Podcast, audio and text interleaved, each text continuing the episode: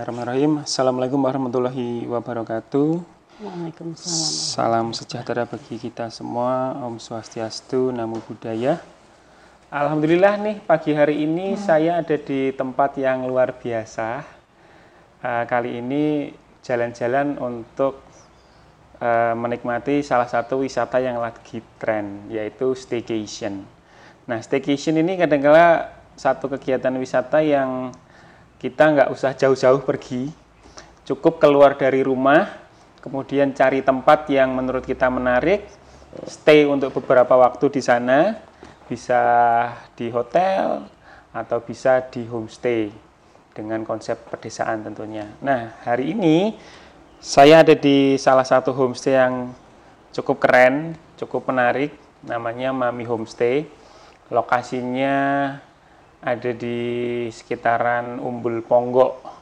Jadi kalau teman-teman menikmati Umbul Ponggok nih, kemudian pengen lebih lama di sini karena Umbul Ponggok ini nggak cuman Umbul Ponggok aja sih, ada beberapa tempat menarik yang bisa dikunjungi di sini. Salah satunya adalah Umbul Busuki, Umbul Manten dan sekitarnya gitu ya. Belum lagi kalau jajanan pagi yang cukup meriah, murah dan rasanya enak di sekitaran sini. Jadi kalau nggak nginep itu rasanya anda akan banyak menyanyiakan tempat yang menarik sekitaran sini. Nah, ini saya ada di Homestay Mami nih, sekali lagi di Homestay Mami. Tempatnya cukup adem, cukup asik, dan saya langsung ditemani oleh pemilik dari Homestay Mami. Ya, sugeng ngenjang Ibu. Sugeng ngenjang Mas Restu. Alhamdulillah nih Bu, sudah diterima di homestaynya. Ini tempatnya asik banget Bu. Kalau tadi kita sempat singgung nih tentang Umbul Ponggo, saya pengen denger nih Bu, kok bisa punya ide untuk punya homestay sekeren ini tuh gimana? Iya, matur nuwun pun. Alhamdulillah ya Mas. Tapi kalau awalnya sebenarnya juga nggak ada rencana, nggak ada ini ya Mas. Masalahnya ini kan rumah lama, anjir, rumah lama awalnya itu begitu Ponggok mulai di lonseng dari Pak Bupati tahun 2013 gitu. Nah itu begitu Umbul Ponggok rame, itu pemerintahan desa Ponggok yang mewakili Pak Cari waktu itu ke rumah sini mas, langsung Budi uh, dalamnya diagem homestay gitu. Pak Cari, Pak, Pak Yani iya, ya. Iya, Pak Yani. Waktu itu lah saya juga matur aduh Pak, lebih ya mah umum saya laran di tempat tidur. Tempat tidur kan cuma ya tempat tidur keluarga yeah. itu tidak apa-apa bude. Nanti pakai ini karpet. Karpetnya tidak punya itu. Ya sudahlah akhirnya saya kan juga nggak nggak diem aja ya mas. Itu saya lari cari ini mas. Mendadak cari kasur ya kasur yang sederhana itu. Akhirnya langsung di drop tamu itu waktu itu 40 mas. 40 orang dia dari sudah siap ya bu ya Iya saya sih Setengah belum siap, ini siap, belum ya? siap, ya sebenarnya belum siap. Saya juga nggak tega sebenarnya. Nah itu dari luar Jawa waktu itu. Dari mana bu masih Tasik Kayaknya dari di 2013. Kalimantannya tuh mana ya waktu Pasar? Enggak iya mas. Nah, itu waktu itu malah uh, dari tingkat kecamatan. Jadi ada Pak Kapolsek, Pak Camat itu pertama kali yang berkunjung di Umbul Ponggo itu itu yang banyak itu akhirnya ya sini di sini mas. Tidurnya di pendopo ini. Yeah. bahkan ada yang di teras. Karena karena di teras itu nah bapaknya keluar uh, mau sholat malam itu tuh keluar loh. Kok bapak-bapak itu ternyata ternyata tidurnya di luar. Apa nggak dingin apa enggak malah asik katanya gitu mas. Nah itu sampai sekarang ya dari sedikit mas kalau ada tamu. Itu terus kami belikan untuk kelengkapannya jadi kurang pelan-pelan ya Bu, iya ya. jadi kalau ada tamu ada uang ada masukan sedikit income itu untuk perlengkapan. Nanti apa nanti apa lah. Akhirnya seperti ini. Seperti yang sudah kita lihat. Iya jadi, jadi uh, saya nambah-nambah untuk kamarnya. Iya. Ini kapasitas berapa kamar Bu kalau kamarnya sih sebelas saja mas. Sebelas kamar. Sebelas kamar. Ada yang. Ada yang satu tempat tidur, yeah. ada yang dua tempat tidur, yeah. tiga tempat tidur, empat tempat tidur, bahkan ada yang lima tempat tidur mas. Tapi kamarnya gede-gede ya bu ya, yang jadi jangan dibayangkan kalau lima tempat tidur tuh kamarnya kecil, teman-teman. Jadi karena ini adalah konsep uh, awalnya rumahnya bentuknya joglo ya, Bu ya. Iya, ya seperti ini saya tidak tidak anu Mas. Jadi rumah atau kamar tetap. Jadi saya cuma memasukkan tempat tidur aja. Dan itu ruangannya gede-gede. Nggih. Jadi ada yang dulu gudang itu saya sulap jadi di kamar tamu, nggih. Itu juga dibersihkan jadi dua tempat tidur gitu. Ini ruang untuk untuk keluarga nggih itu juga jadi tempat tidur yang masih tetap ini pendopo ini tetap ada kursi-kursi seperti ini, nggih Mas. Keren. Gitu. Ini kalau dari Ponggok jaraknya masih berapa meter, Bu? Cuma 25 meter, Mas. 25 meter 25 jalan sambil meter. merem nyampe ya? Jalan Nyampe selokan maksudnya, Bu? Iya betul, betul. Jadi rumah saya ini kan ada sebelahnya ada kios, ada itu ya eh, tiga kios kecil-kecil. Iya. Jadi cuma 25 meter nyampe selamat datang Ponggok itu Selamat di datang desa Ponggok. Ponggok. Jadi Seperti itu. kalau saya jadi tamu nginep di sini paling asik itu renang kan pagi ya. Nggih. Mungkin kolamnya masih sepi. Hmm, Betul. Kemudian airnya masih seger, belum tercemar sama orang lain gitu. Iya, Meskipun nih betul. airnya ini ngalir ya, asik Iya, ya Bu ya. ngalir. Kemudian selfie-selfie pun belum banyak yang ganggu gitu ya. Iya. Kan nggak asik sih tiba-tiba selfie underwater, ada yang lompat dari atas gitu ya. Jadi ini satu salah satu yang menarik dan airnya saya yakin akan lebih sehat kalau pagi. Betul, betul sekali. Oke Bu, kita Kalau balik lagi ke pagi itu sebelum sebelum subuh itu sudah banyak yang mandi di situ. Tapi ya sekedar mandi, itu aja untuk kesehatan. Tapi kalau foto-foto underwater biasanya yang sudah ada matahari ya, sinar matahari. memang uh, so- Bagusnya apa ya itu. cahayanya bisa masuk ke Betul. dalam air ya Bu ya. Nggih, nggih. Ini kalau pagi Bu, yang bisa kita nikmati di sekitaran homestay, apalagi mungkin tempat sarapan atau jajanan yang asik itu apa sih Bu sekitar sini Bu? Kalau sekitar sini, kalau tamu-tamu ya mas, tamu-tamu itu biasanya saya kan menawarkan ada soto ayam kampung, terus ada nasi atau jenang letok itu. Soto dan letok itu kalau Nah. kota Klaten sudah jadi budaya. Ya, itu memang Jadi kalau- kita mengangkat yang eh, di sini kebiasaan di desa itu apa? Biasa di Klaten gitu, itu kalau belum sarapan soto belum pas ya, belum lengkap ya Mas. Nggih. Tapi kalau tamu-tamu pengen ke pasar pun, ini jaraknya nggak nyampe 100 meter Mas. yang asik di pasar nomor Iya itu jajanan jajanan kita banyak sekali jajanan-jajanan jadul nggih itu banyak sekali Contohnya misalnya apa? Ada lemper, ada cucur, ada cenil, gatot, tiwul. Itu banyak sekali nggih. Mau jadah, mau Waduh, nggak usah jauh-jauh ke Kaliurang Iya. ya Bu ya. jadah Mbak Care. Dan ini Itu, panjenengan- ada. Kalau diajak tamu nganter gitu nggih kersa. Iya memang gitu. Oh, gitu ya? Iya tetap saya ya. dampingi. Misalnya mau jalan-jalan ke pasar atau pengennya eh, ke Taman Loro Kerjo maupun ke Besuki pagi sebelum rame itu ya mesti kami tunjukkan dulu Mantap. ke mana dulu maunya gitu. Jadi kalau nginep Kalau di sini jalan-jalan ya pagi. Bu ya. nah ini balik lagi nih Bu ke mana? Ke homestay kita nih, ke homestay Mami nih. Ada 11 kamar.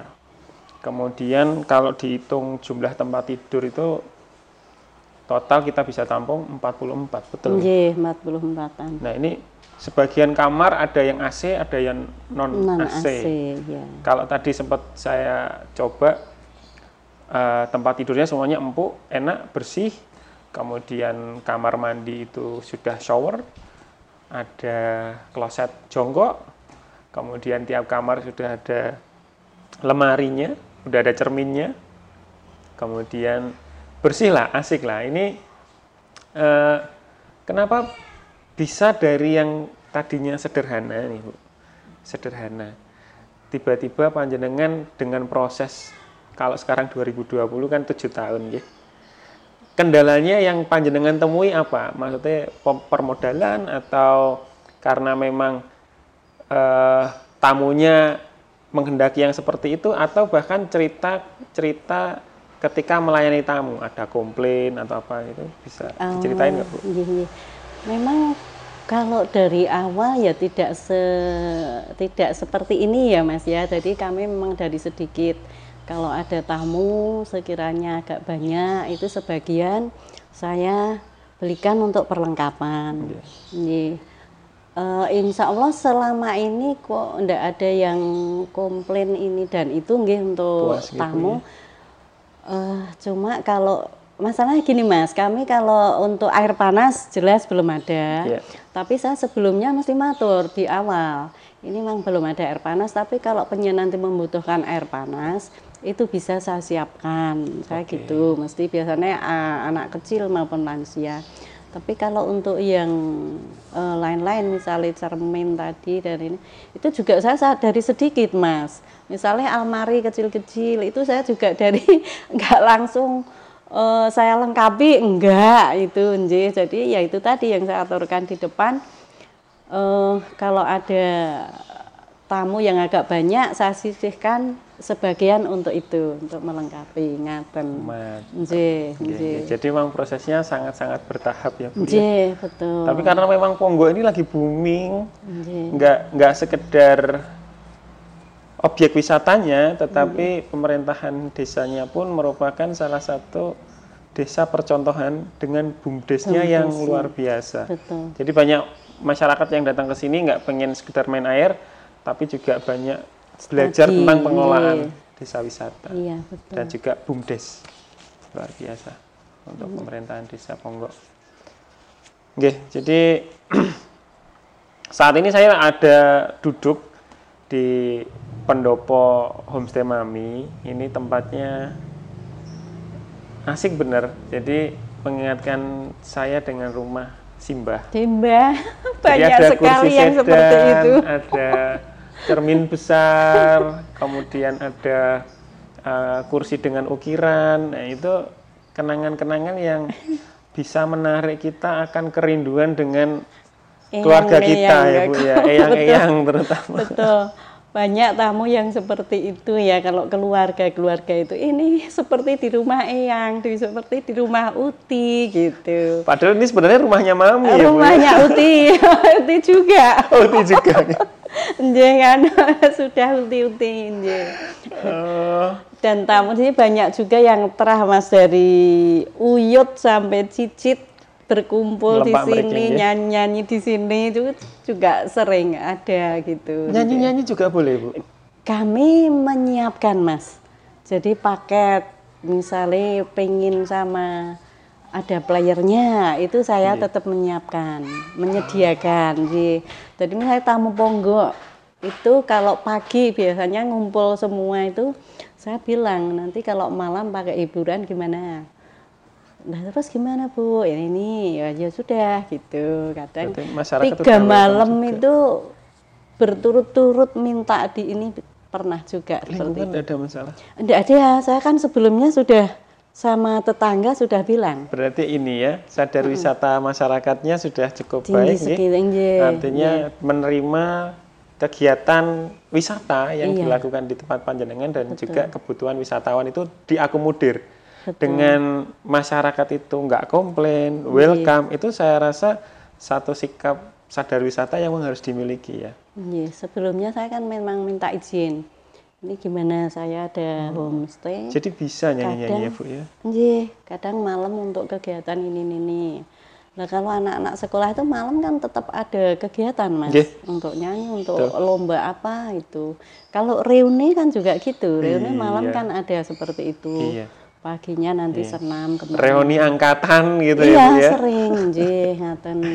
Ah, Komunitas motor gede dari Bandung. Tadi saya lihat oh, Bu, Nggih, itu ada dapur yang di dalam, dapur ada dapur yang di luar. nggih.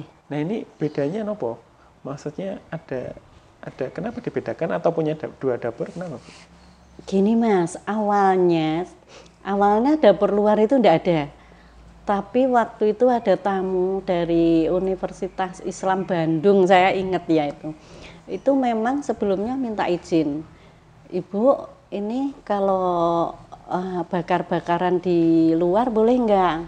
Oh boleh mbak, boleh silahkan. Saya gitu lah. Saya mikirnya setelah selesai itu saya mikirnya gini, waktu itu kan hujan rintik-rintik Hmm. mas, saya mikirnya aduh kalau pas bakar-bakaran membayangkan hujan itu tuh gimana, saya gitu tuh. Toh akhirnya saya bikin yang di luar ya walaupun sederhananya saya bikinkan. Nanti untuk eh, mengatasi kalau mungkin bakar-bakaran di istilahnya di latar ya itu ya mas.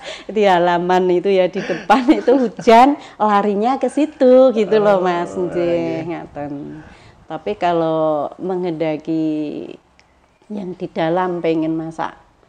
Di dalam monggo. Yang di luar eh, waktu itu ya karena itu. Ada yang pengen bakar-bakaran itu aja. Jadi saya nyiapkan gitu mas Nek saya bayangin kok asik ya. Jadi paginya kita ciblon, main Nggih, air di Umbul Ponggok.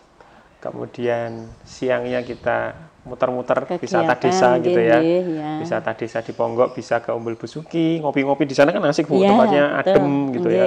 Atau nyari Umbul Manten, Betul, ya tempatnya asik banget. Atau mancing bahkan wisata mancing. Nah, malamnya hasil pancingannya dibawa ke Dibakar. homestay Mami, ikannya dibakar bareng-bareng sambil kita dengerin musik Nah. baik dari penyanyi uh, organ tunggal Lokal. atau bawa gitar itu kayak keren banget ya, Bu ya. Iya, iya. Biasanya Nah, ini- mahasiswa pada bawa gitar, Mas. Gitu ya. Nih teman-teman nih eh, yang lagi dengerin podcast saya nih ya. Sebari nih informasinya, kasih tahu ke rekan Anda kalau sudah rindu jalan-jalan gitu ya.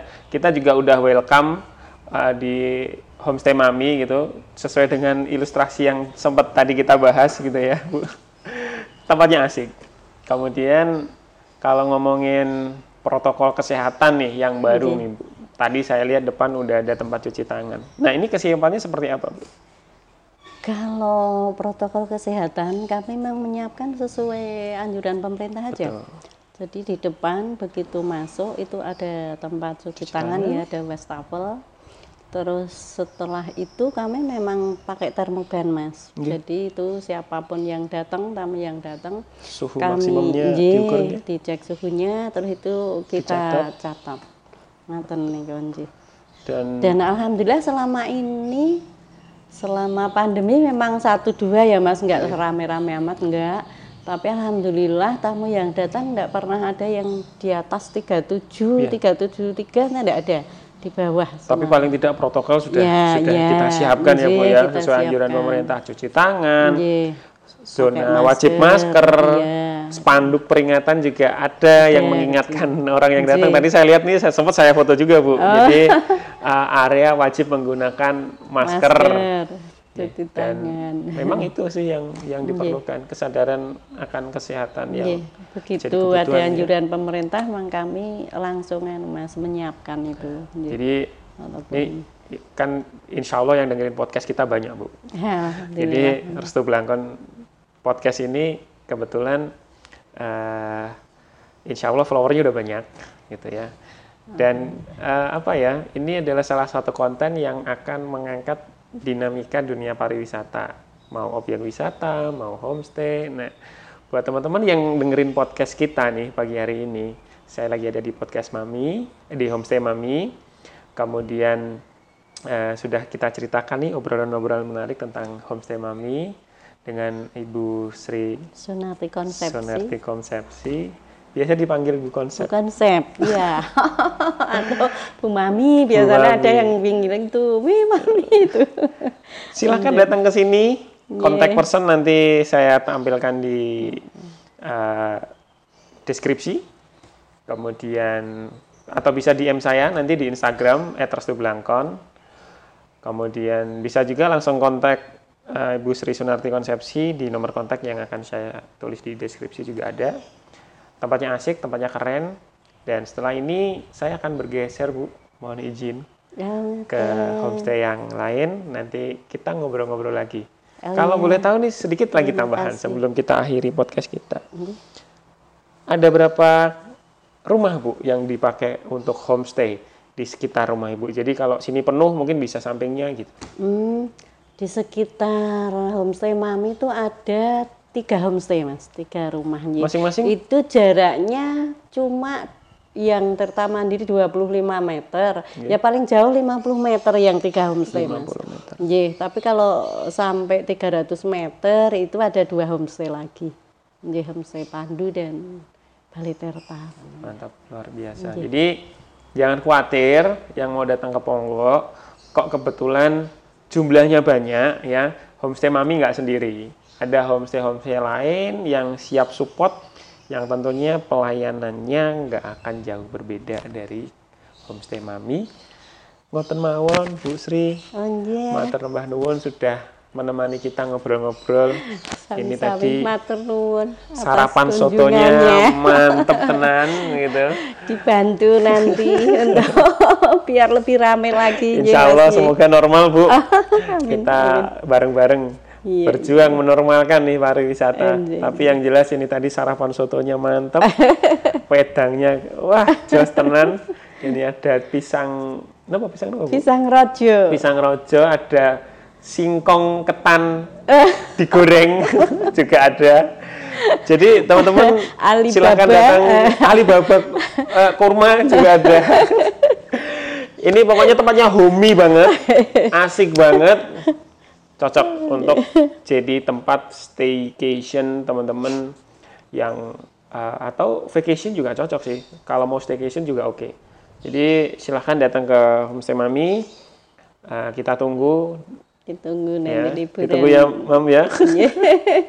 Matur nuwun, saya Restu Blangkon undur diri. Oke. Sampai jumpa di podcast episode selanjutnya. Terima kasih dan selamat Sami-sami, mendengarkan, selamat Mas beraktivitas. Restu, matur nuwun atas kunjunganipun. Saya undur diri, Bu. Assalamualaikum Nggih, warahmatullahi selamat wabarakatuh. Waalaikumsalam warahmatullahi wabarakatuh.